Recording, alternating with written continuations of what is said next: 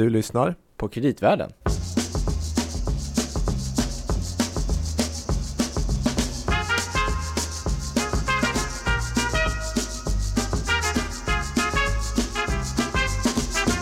Äntligen tillbaka. Fantastiskt. Mm. Gabriel. Louis. Kul att se dig igen. Ja, men detsamma. Eh, du jobbar på Danske, Danske Bank faktiskt. den Danske Bank. Eh, Snubbla på orden. ja, som kreditanalytiker på Markets. Just det, Mm. precis. Och jag heter ju, som du sa, Gabriel. Begin Jobbar också där, på. Danske Bank. Och vi har också en podcast och den här heter Kreditvärlden. Just och det. Här pratar vi om allt möjligt, höll jag på att säga, men som framförallt relaterar till finansiella marknader. Förra avsnittet Ekonomi. var det tåg. Mm. Mm. Nu höll jag på att göra tågljud, det ska jag inte göra. inte i podcasten. Tut, Nej, tut. Mm. Ja. precis. ja, det var mycket intressant. Ja, väldigt. Lyssna gärna på det. Mm. Gången dessförinnan. Just det, då var det vårt dubbelavsnitt om Enron. Ja. Och Enron ledde ju in på en del frågor kring redovisning. Mm. Och vi konstaterade ju att det här med redovisning kan vara väldigt spännande. Mm. Eh, Man kan vi- till och med sk- skriva sånger om det. Det kan man, Mm. precis. Så vi tänkte vi skulle djupdyka lite mer. Och apropå det här med redovisning. Vi har ju alltid naturligtvis en massa intressanta böcker på vår bokhylla som analytiker. En sån bok vi har tittat lite i här på sistone apropå det här med Enron. Det är en bok som heter Financial Shenanigans. Mm. Eh, hur man kan upptäcka, som det står, accounting gimmicks and fraud in financial report. Wow, Ja, det låter som Mm. Bibeln. lite så. Mm. Mm. Så financial shenanigan, det får man väl översätta med någon sorts finansiella svindlare eller någonting i den Mm. stilen. Men om vi skulle ha Kryphål. något... Ja, men om vi skulle ha något tema på svenska för idag, då skulle vi kanske säga hur du blir din egen finansiella detektiv i den snåriga redovisningsdjungeln. Mm. Låter det bra? Ja, det är fantastiskt. Tror inte att det kommer få plats tyvärr på Twitter ens, men det är... vi löser det. Ja, Det är en väldigt bra titel. precis. Men till vår hjälp idag Mm. har vi två mycket prominenta gäster. Mm. Och då får vi väl först säga välkommen åter till eh, Bo Nordlund först. Tack så mycket. Och då för de som inte känner dig så om jag säger att du är redovisnings och värderingsspecialist på fastigheter eh, från Bräck och KTH. Håller du med om det då? Det låter som det stämmer jättebra tycker jag. Ja. Mm. Kul att ha dig här. Kul att få vara här. Så att fastigheter kommer att vara ett av de här deltemana som vi tänkte prata om idag. Mm. Men inte nog med att vi har Bo, vi har även med oss Peter Malmqvist och även du är ju redovisningsspecialist och även chefsanalytiker på Remium Nordic. Det stämmer. Mm. Det där med redovisningsspecialist kommer av att jag en gång i tiden faktiskt började som revisor. Och på något sätt så har de ränderna aldrig gått ur. Parallellt med att då jobba som analytiker så har jag alltid varit lärare i redovisning. Så att jag har lyckats hålla mig uppdaterad på allting som har hänt under den här ganska långa perioden som jag eh, har hållit på. Och det roliga med att en gång ha lärt sig någonting det är att man, man tycker man har investerat så mycket tid så man vill inte släppa det. Mm. Men jag är ju inte någon redovisningsexpert på det sätt som Bo är. Att jag försöker tala om för företagen vad de, hur de ska redovisa och så vidare. Utan jag är det ju ur ett analytiskt perspektiv. Jag försöker lära mig av HQ katastrofen till exempel. Mm. Eller Eniro och sådana saker. Och se till att eh, man inte går på samma fint två gånger i rad. Så att Mm. säga. Det låter som en perfekt kombination här med er två. Jag tänkte säga det för också, för att vi pratade ju i Enron. Det var någon som tyckte att vi skulle peka ut nästa Enron. Mm. Och det kanske vi inte kommer göra idag, men vi kan ändå få lite kan hjälpa Tips lyssnarna på. att eh, hitta nästa Enron kanske. nästa Enron, eller bara ta lite bättre beslut. Men bara en fråga till till dig Peter. Visst är det så, du har väl någon egen, du har ju följt eh, väldigt många av börsbolagen Mhm. lång tid. Ja. Du har någon egen spännande så här liten nästan databas, har du inte det? Som du sitter med nyckeltal och... Jag har följt eh, börsbolagen under hela min yrkesverksamma tid och samlat på mig då data för 130 bolag eh, över en väldigt lång tidsperiod. Där jag Mm. också har gått in och tittat konkret på redovisningen.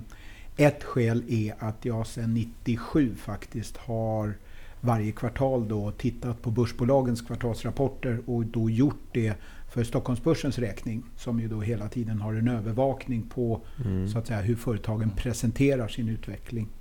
Och därigenom så har jag ju då ett extra incitament att hålla mig ajour med redovisningen också Mm. och inte bara så att säga siffertrenderna i det hela. Det. Så att eh, den databasen använder jag naturligtvis eh, i väldigt stor utsträckning när jag försöker just som jag sa lära mig av eh, konstigheter som jag ser så att man kan undvika dem i nästa företag som man Just det. analyserar. Just det. Mm, perfekt. Men innan vi kastar oss in i redovisningsdiskussionen. Jag tänkte en, en lite mer så här öppen fråga till er båda så här inledningsvis. Dagens värderingar om man tittar på till exempel börsen. Hur, eh, hur tänker ni och ser på det? Ja, börja gärna. Alltså, jag försöker ju följa då eh, börsens värdering på prognostiserad basis och har gjort det sedan 1986.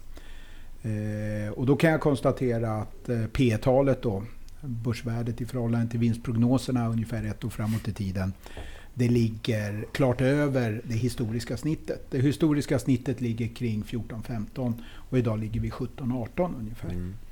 Då måste man naturligtvis lägga in den extremt låga räntenivån. Att ett försäkringsbolag till exempel inte har egentligen någon möjlighet att förränta pensionsskulden genom att placera i riskfria obligationer.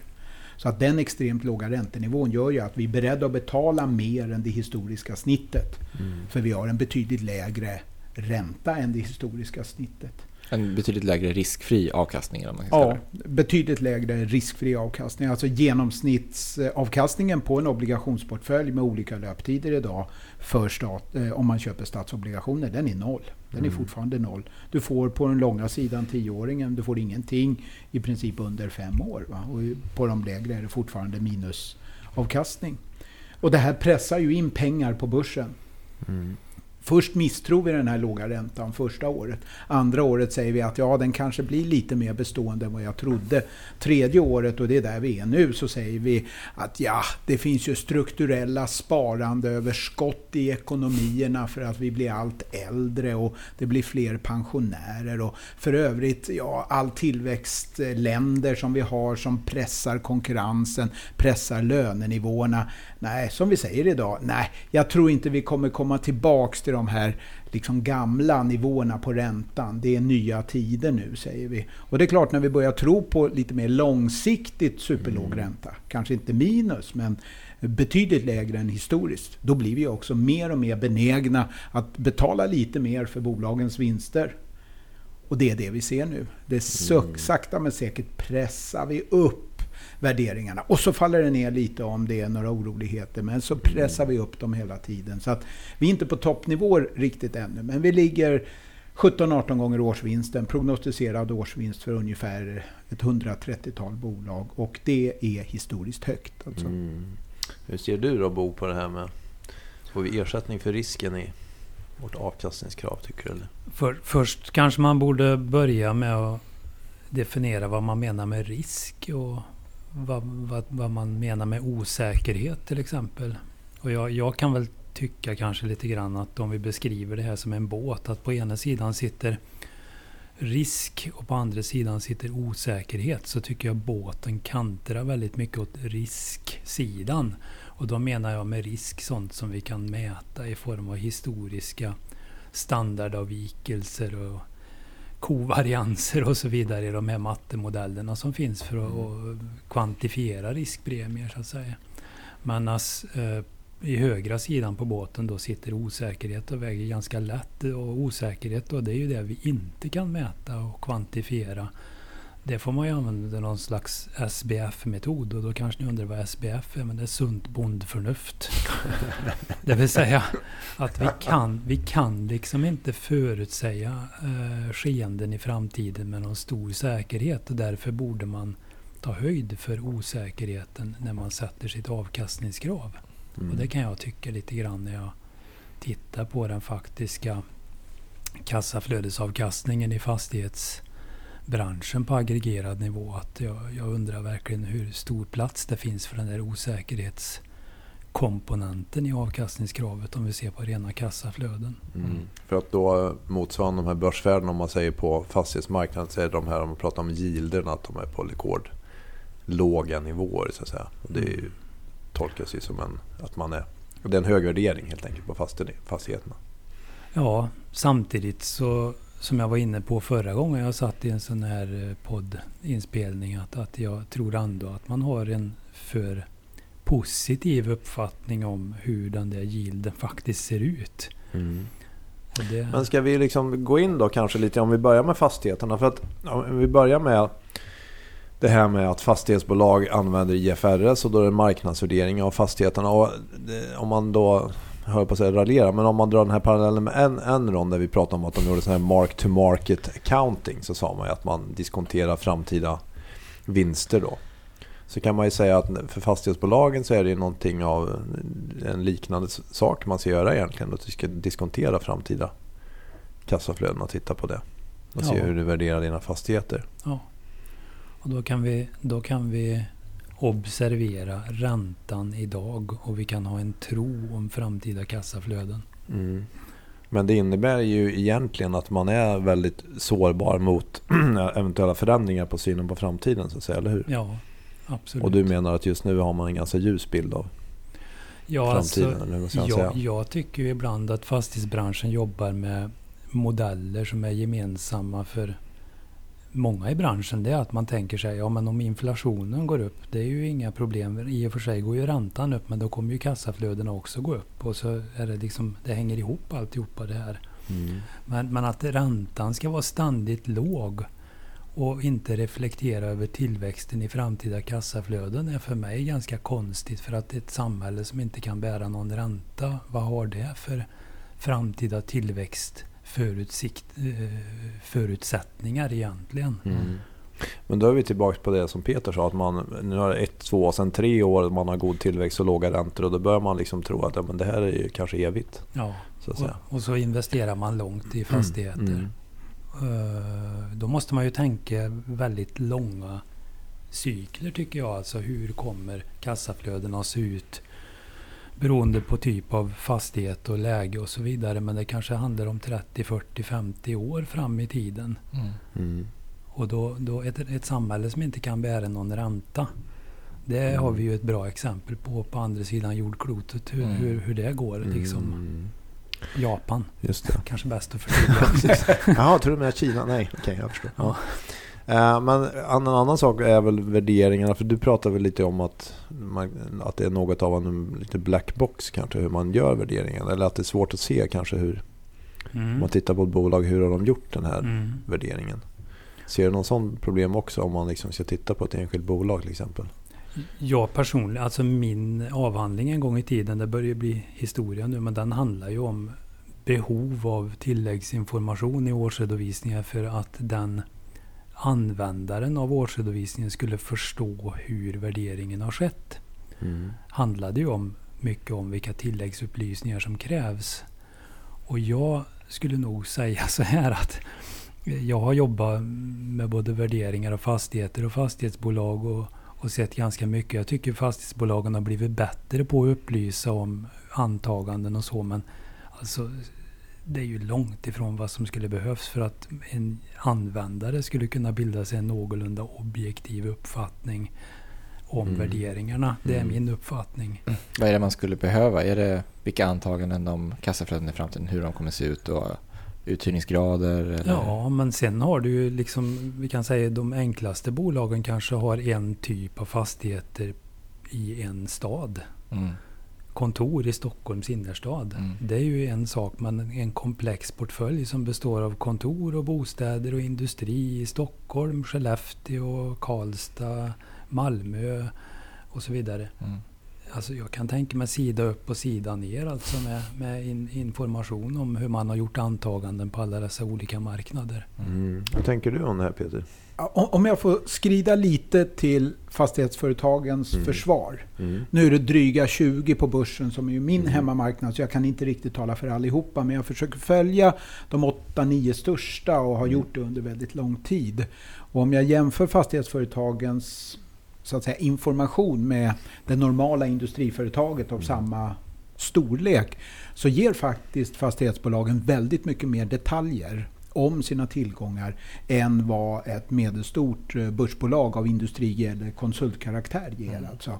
Så att relativt andra bolag på börsen kan jag säga att fastighetsbolagen brukar jag framhålla eh, lite som föredömen. Sen är jag ingen fastighetsexpert mm. och tittar inte på en fastighetsaktie ur perspektivet att jag ska gå igenom block av fastigheter i olika regioner eller mm. olika delar av en stad och så vidare. Va?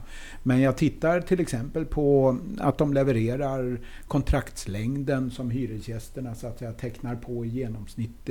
Det är en av få bolagsgrupper som levererar till exempel genomsnittlig räntekostnad på de krediter man har. Mm. Justerad då för de här svårgreppbara räntederivaten som alltid finns med och ställer till det då i resultaträkningen. Mm. Sen kan jag förstå att är man riktig fastighetsspecialist så skulle man vilja komma ner kanske på just eh, block av fastigheter, titta på fastigheter som man har i Kista i Stockholm jämfört med i Huddinge och så vidare. Det är ju tid som jag som aktieanalytiker av mer generellt snitt aldrig har tid att lägga ner i alla fall. Så mm. det skulle ur mitt perspektiv vara då information som är lite kan man säga overkill i det hela. Alltså invändningen är väl att om man är ett fastighetsbolag så är ju fastighetstillgångarna allt. Alltså att det är ju det som är affärsmodellen. Om man är, nu är ju inte alla rörelsedrivande bolag som, som gör det så bra. Men då är det ju den man ska skriva om och då skriver de kanske mer om rörelsemarginaler i olika affärssegment och till olika kundbaser och sådär. Liksom. Och att det kanske, om man är fastighetsbolag så måste man ge ganska mycket information om sina tillgångar på något sätt. Men om vi spelar tillbaka till, eh, till, till dig igen Bo, för att är det en sak som jag tror att du gärna skulle se eller som jag själv gärna skulle se också faktiskt, på fastighetsbolagen är det här med investeringar. Hur man eh, mm. separerar typ underhållsinvesteringar kontra inom citationstecken tillväxtinvesteringar. Mm. För att kunna egentligen bättre härleda ett sorts kassaflöde ex, eh, ja, minus pågående underhåll. Ja. Sen kan det ju vara lite av en filosofisk fråga. Vad är underhåll egentligen? Men hur, eh, för jag tror att det, det, spelar väl lite in på det här, du är väl lite kritisk till vissa måtten som man tittar mycket på. Är det inte det? Typ driftnetto och sånt där. Ja. Som kanske många på marknaden eh, också fokuserar på. Ja, det, det ju, har blivit praxis i fastighetsbranschen att man, man redovisar driftnettot öppet i resultaträkningen. Eh, och eh, problemet är bara att de redovisningsregler man följer föreskriver ju att väldigt mycket av det vi kallar planerat underhåll eller hyresgästanpassningar som till sin karaktär är byten av byggnadsdelar som är långlivade och kostar ganska mycket eller stora utgifter förknippade med ska aktiveras eller bokföras som investering. Mm. Medan det är reparationsdelen, alltså akut löpande underhåll som ska ut i resultaträkningen. Och då förutsätter ju en sån redovisning för att det ska stämma med, med eh, hur man eh, ser det analytiskt på något sätt. Nästan att man ska få igen krona för krona i värdeökning för det som bokförs som investering. Mm. Vilket kan funka på en stigande marknad men ja. kanske inte på en Nej. sjunkande så att säga. Så att jag, jag har ju tittat på fastighetsbolagen liksom ex post så att säga i efterhand ungefär hur mycket om vi lägger ihop det som kostnadsförs i resultaträkningen, vilket är en, en, mycket mindre del än det som bokförs som investering av de här tillkommande utgifterna, så ser ju jag att, att direktavkastningen eh, blir helt annorlunda om man ser det liksom ex post. Hur mycket så att säga har man haft i driftnetto minus återinvesteringar för att bibehålla avkastningsförmågan i relation till marknadsvärdet. Mm. Det är en väsentlig skillnad. Men det innebär, om man ska översätta det lite grann, om vi tar ett sånt här mått som både vi på kreditmarknaden och på aktiemarknaden använder man gärna så här, så här ebitda som är mm. vinst för uh, avskrivningar och, mm. uh, och så. Um, men då menar du att vad man skulle behöva göra om man nu ska använda en sån ebitda är att göra en justering egentligen för att man ska dra bort Eh, en del av det man, som ligger under investeringar bör man ta som en sorts kostnad ja. på underhåll. Och då ser det, skulle vi få en lägre ebitda helt enkelt. Ja. Och då ser kanske nyckeltalen svagare ut. Ja. Ska jag ta ett enkelt räkneexempel kanske? Ja, det om, om vi tar och aggregerar alla driftnetton eh, vid en given tidpunkt i början på året eller någonting sånt här i år i de noterade fastighetsbolagens resultaträkningar och ställer det i relation till de aggregerade marknadsvärdena så hamnar vi kanske strax över 4% i direktavkastning. Mm, Och det på låter- fastigheterna? Ja. Mm. Och det låter ju ganska bra om man jämför med alternativa placeringar med riskprofil eh, som kanske liknar fastigheter och sådär. Mm. Men när man då tittar på hur redovisningsregelverket är rent tekniskt skrivet så är det ju faktiskt så att väsentliga utgifter som, som har en nyttjandeperiod om mer än ett år, om jag uttrycker mig ganska förenklat, ska upp i balansräkningen. Mm. Aktiveras. Aktiveras, ja. Då får vi, om vi gör en justering för det som jag uppskattar till ungefär 1,5 procent. Mm. Och sen drar vi bort kanske ytterligare 0,3 procent som är centraladministration som ligger nedanför de här driftnettorna. Så kanske vi kommer från 4, 4,2 ner till 2,5 procent i kassaflödesavkastning på tillgångarna. Mm. Om vi då sen säger jaha, men det är ju ändå bättre än den där obligationen du pratade om förut. Ja, det, det håller jag med om. Men det är en helt annan riskprofil på fastighetsinvesteringar mot en, en riskfri statsobligation som jag ser det för det Mm. första. Men om vi sen säger då, ja men hur är det då med kassaflödet i fastighetsbranschen? Ja, säg att de har ungefär 50 lånat och 50 eget. På det lånade betalar de 2% i ränta i snitt och det egna kapitalet som är i princip börsvärdet av aktierna behöver de kanske över tid ge en utdelning på 3 Mm. Det är bara enkel matematik. 50 gånger 2 är 1. 50 gånger 3 är 1,5. Mm. 1,5 plus 1 det är 2,5. Mm. Och vad var det tillgångarna avkastade? Två och en halv. Kassaflödesmässigt ja. Mm. Så det går jämnt upp menar du ungefär? Ja, alltså, sen kan man säkert hitta Mm. observationer som är både över och under det där. Alltså att, eh, det, Men så i din mening är, är liksom, kan man säga att fastighetsbranschen är lite missförstådd? Eller liksom att man, kan man säga så? Eller att man på något vis överskattar kassaflödeskapaciteten för branschen? Liksom, eller hur ska man se på det? Min tes är nog att det är så ja. Mm. Och, Jag, Vad, vad tycker du om det jag Peter? hänger gärna på där för att det- det här är ett område där jag då inte tycker om fastighetsbolagens redovisning. När vi har fått från 2005 då de här omvärderingarna direkt in i balansräkningen så släppte vi egentligen all vanlig redovisning. Mm. Och därigenom, genom att vi gör de här omvärderingarna så blir det inte så intressant vad vi lägger på det bokförda värdet på fastigheterna eller om vi lägger i resultaträkningen. För vi ska ju ändå omvärdera fastigheterna. Ja, det tidigare som hände så hade 2005 man- var att man införde just den här marknadsvärderingen i Då införde vi den här marknadsvärderingen och det hade en avgörande inverkan på börsbolagens egna kapital. Alltså i trakterna av det ökade genomsnittet med ungefär 60 procent. Och man kan lite förenklat säga att det var en, en kostnad som man hade förut som var en avskrivning och den har ju försvunnit då, i och med att man värderar Ja, ti- tidigare var det ju så eh, att hela tiden. Om vi la någonting på balansräkningen så skrev vi av det. Och då kom det Över in tid, i ja. res- över tid. Och då kom det in i resultaträkningen. Sen kan man välja själv att ta med den avskrivningen som en kostnad eller låta Mm. bli. Mm. Personligen tar jag med den som en kostnad för att eh, där är faktiskt redovisningen rätt bra.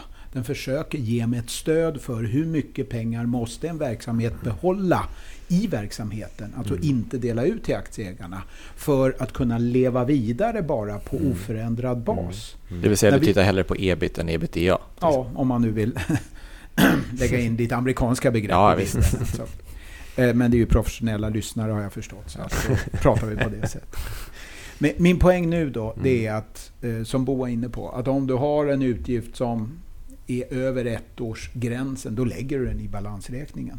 Men vi gör inte några avskrivningar. Nej. Så den utgiften den försvinner ur resultaträkningen och möjligen dyker upp längre ner. Mm. Nämligen som en omvärdering av fastigheterna. Genom att om vi kanske har lagt lite för mycket i balansräkningen så får vi in en fastighetsvärderare som säger att den här balansräkningen är lite för hög. Ja, då får vi skriva ner fastigheterna. Men den nedskrivningen, eller omvärderingen av negativ karaktär då, den påverkar ju inte driftnettot. Nej. Och vad jag kunde se här över en femårsperiod, eh, det var för ett par tre år sedan, så började den här driftnettot i förhållande till hyresintäkter och i förhållande till Mm. tillgångsmassan, började helt plötsligt stiga. Och det var, skulle jag säga, kopplat till en del förändringar i regelverket som IASB, då, regelmakaren, gav ut. Och då kände jag, det här är inte bra. Vi sitter alla och tittar på det här driftnettot som helt plötsligt stiger utan att vi egentligen har gjort någonting annat än att eh, ändra en del regler i redovisningen. Och sen så sitter vi som Bo illustrerar och jämför det här driftnettot med marknadsvärdet på fastigheterna och då ser det helt plötsligt mycket bättre ut. Alltså. Mm. Så vad jag skulle vilja se i grunden det är ju att visst kan vi ha omvärdering av fastigheter direkt i redovisningen. Mm. Men vad jag skulle vilja ha det är att den omvärderingen separerades. Och att omvärderingen i resultaträkningen dök upp eh, ganska långt ner i resultatet i det här som kallas för övrigt totalresultat mm. på svenska. Att det fanns vettiga avskrivningar på ett anskaffat fastighetskapital till exempel. Så att jag får in signaler i resultaträkningen som jag kan ta med och använda i min, mm. min bedömning av vad jag skulle kalla för det långsiktiga driftnettot som i min värld då måste innehålla de här avskrivningarna. För mm. avskrivningarna representerar det kapital jag måste behålla i bolaget för att bara kunna bibehålla verksamheten. Mm. Och, det är det, och där delar jag helt mm. Bos uppfattning. Att det kan vi ifrågasätta nu om de här driftsnettorna i förhållande till hyresintäkter eller fastigheter, om de verkligen är eh, uthålliga på nuvarande nivå. Jag mm. påstår att man aktiverar så pass mycket så att eh, driftnettorna inte är riktigt representativa för en sorts konstant vinst i all evig tid. Mm. får, jag, får jag bara mm. en vinkel där bara som jag ser. Det är ju att när vi har avskrivning i redovisningen så har vi ju det när, när bolagen kör svenska regler i moderbolag eller i dotterbolag. Men fastigheter är en sån långlivad resurs och byggnadskapitalet så att det finns ju faktiskt bolag på börsen som har väldigt, väldigt gamla anskaffningsvärden.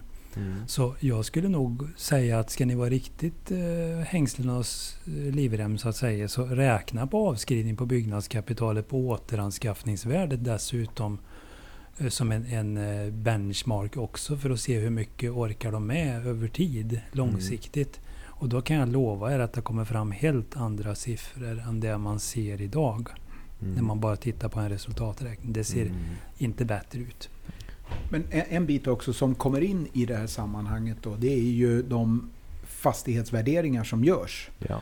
Som ur aktiemarknadens perspektiv skulle jag säga är de allra flesta, i alla fall eh, bolag som har legat ganska länge på börsen, så mm. har det hög trovärdighet. Mm. Och då kan man ju säga att det här driftnettot vi nu pratar om, som vi har lite svårt att kanske tro på, det är ju ett driftnetto som är helt centralt för den här fastighetsvärderaren som går in och värderar fastighet för fastighet.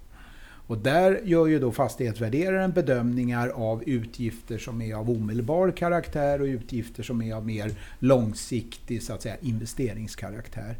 Och det är klart, om jag i de här fastighetsbolagen har problem med att tro på att utgifter som är av långsiktig karaktär faktiskt egentligen är av lite mer kortsiktig löpande karaktär och borde ligga med i driftnettot och därigenom pressa ner min värdering av det här mm. bolaget så måste naturligtvis fastighetsvärderaren ha precis samma problem. Och en av de bitarna som jag tycker är den stora osäkerhetsdelen i fastighetsvärderarnas väldigt professionella värdering, det är just hur man bedömer det här driftnettot i varje enskild fastighet. Och när jag lyssnar till professionella fastighetsvärderare för hur de gör på olika konferenser och annat mm. så blir jag ännu lite mer konfunderad. För det är uppenbart att de här kostnaderna som fastigheten har är någonting som man kanske inte alltid tar med i värderingen utan man jobbar med olika typer av standardkostnader. Att fastigheten här den ska egentligen ha en kostnad per kvadratmeter på 400 si och så och så vidare. Va? Man vissa och, och, schabloner. Man, man använder schabloner kostnader istället för de faktiska kostnaderna. Mm. Och det är ju så att säga en väldigt egen värderingsmetod. Det gör vi ju inte för bolag på börsen utan där tittar vi på vilka kostnader det bolaget har. Mm. Och det vore lite konstigt om vi värderade alla bolagen på börsen efter någon standardlön per medarbetare för verkstadsbolag eller och så mm. vidare. Va? Men det är ju det som görs i de här in, så att säga, individuella värderingarna. De har väldigt hög trovärdighet, det kan jag säga. Placerare tittar på dem. Men jag själv eh, börjar undra om jag har så stora problem att fastställa de här aktiveringarna och så vidare. Hur gör då fastighetsvärderarna själva? Det måste jag säga. Mm. Får, får jag, det, får det jag, är en, får, precis, bo. Ja, får jag bara flika in en Mm. sak nu för att det har varit lite granna skriverier i olika affärspress och, och så. Det kanske har försvunnit nu men det har varit lite grann att fastighetsbolagen förskönar sin redovisning och bokför alldeles för mycket som investering och så. Det vill jag betona väldigt tydligt att fastighetsbolagen följer de regler som är. Mm. Det vill säga det är mycket som ska upp i balansräkningen med det nya redovisningssättet eller IFRS-redovisningssättet. Så det, det är inte fel där. Men det som jag tycker är väldigt viktigt är att man tar bort fokuset lite från resultaträkningen och kanske också ger mer tilläggsinformation kring vad det är för typ av investeringar man har gjort. Just det. För det är där kanske det man skulle behöva lite Ja. mer för att kunna göra de här justeringarna. Ja, för det analytikerna behöver är uppgift om fritt kassaflöde från Mm. rörelsen eller mm, operativa fria kassaflöden. För att om man översätter det till oss som är på kreditvärlden, skillnad från kreditvärlden, så om vi ska göra våra, eller så här, nyckeltal vi ofta tittar på är ju även kanske till skuld i förhållande till just ebitda då, men då skulle man ju vilja göra en justerad ebitda. Och även om man tittar på kassaflöde i förhållande till, eh, till skulder, då skulle man ju behöva justera sitt kassaflöde också och dra bort de här då, Ja, eh, egentligen. Ja, man skulle ju i, i kassaflödesanalysen egentligen vilja se tre nivåer av investeringar. Mm. Det ena är investeringar av expansionskaraktär. Mm. Till exempel om jag köper i en koncern en ny fastighet. Mm. Men det kan också vara att jag bygger en ny fastighet och så vidare. Det andra är eh, investeringar av mer naturligt slag där kanske periodiciteten är att det kommer göras med 5 till 10 års mellanrum eller någonting sånt. Mm. Och den tredje nivån är sådana investeringar som jag då menar egentligen är utgifter och bättre skulle landa i resultaträkningen. Och det är ju då om man gör investeringar över ett år med mer än ett års intervall men kanske under fem års intervall. Mm. I min värld så är ju det någonting som har underhållskaraktär. Det är ingenting som man kan skjuta på särskilt länge för att det kommer handla om säkerhetsbestämmelser för hissar eller någonting annat. Man Mm. måste ordna till, fasaden läcker, fönstren Mm. går sönder och så vidare. Alltså när man genomför åtgärder av kortare livslängd så har det nu en tendens då att hamna i balansräkningen. Mm. Och kunde jag få de tre nivåerna av investeringar då kunde jag ju själv välja vilka investeringar jag vill plocka med i det här fria kassaflödet. Då, va? Som Så då har vi en liten uppmaning här till att det skulle vara, vi gärna skulle se lite mer specifikation på de här investeringarna. ja. Men, eh, men en fråga då Bo, eh, för att runda av det här ämnet. Eh, Finns det en risk tror du om, om det är så att nu har vi ratinginstitut till exempel som har börjat sätta ratings på de här bolagen i vissa fall ändå rätt höga ratings kan man ju tycka. Om inte alla, tror du att alla förstår hur det liksom fungerar och om du inte tror att eh, alla förstår, eh, finns det en risk för att nu har vi haft ett antal goda år och då kanske man inte tänker så mycket på det här. Att det liksom när marknaden väl så att säga, en dag vänder och kanske värdena börjar sjunka lite, att det blir mer, man kanske börjar titta lite på branschen på ett annat vis då. Att det finns en risk att det liksom blir någon sorts, man börjar omvärdera, att det kan gå ganska snabbt då, när man ser att ja, men det, vi ska nog se på det på det här viset istället. Får jag ställa en motfråga? Mm, Ja, det får du. Hur många av dem som sitter i ratinginstituten har lika stor kunskap om fastighetsförvaltning som de har om finansiell riskmodellering? Ja, en gissning, jag tror inte att det är så många. Det är en gissning. Jag tror också att modellerna kommer ganska mycket från att de har applicerat amerikanska modeller på, på Europa så att säga. Mm. Och då, är- jag kan inte säga, svara för hur de har liksom gjort den här översättningen men att... ehm, Själva tankefigurerna och sättet kommer ju därifrån. Mm. Men jag har ju noterat att eh, många i de här modellerna, så just det här med ebitda till exempel, det används ju väldigt mycket som en kassaflödesproxy och det är jag väl själv lite Ja. fundersam på. Det känns inte kanske helt rätt tycker jag. Det var kanske lite ofint av mig att smita ifrån frågan genom att ställa en motfråga. Men Du jag, köpte jag dig vill- lite tid i alla fall. Ja. Nej, men jag, jag tror nämligen också att det är så att eh, de här ratingmodellerna och det fungerar nog jättebra. Givet att de här schablonantagandena också fungerar i verkligheten. Och det är väl just det jag ställer mig lite frågande till om det Mm. är så. Mm. Du, du var inne på ebit-DA. Mm. Ebit-DA för mig ligger långt ifrån kassaflödet Mm. i fastighetsbolagen. Mm. Då. Mm. Ebitda kommer ju definitionsmässigt alltid att vara ett kassaflöde före de här investeringarna av Ja. repetitiv karaktär. Ja, va? precis. Så att, eh, det, det kommer aldrig lösa just den Nej. frågan. Nej. Jaha, det här, eh, nu, ni som är intresserade av fastigheter har fått en hel del att fundera på, tror vi. Mm. Vad tror du Gabriel? Det här känns ju som att vi har väldigt mycket att diskutera här. Mm. Jag tror att de vi, flestas eh, tunnelbaneresa är slut. Ska vi fortsätta med övriga sektorer i nästa avsnitt? Jag tror vi får göra så. Om det är okej med er. Det går bra. Sitter, sitter ni kvar ett avsnitt till? Ja, Absolut. Vad härligt. Bra. Mm. Fortsättning följer strax. Jag hoppas vi att ni lyssnar också, så att säga. Sitter kvar. Eller vi hörs Sitt still, i- sitt still i den här båten som Bo om pratar om. någon vecka. Ja. Bra. Vi Hej. hörs. Hej.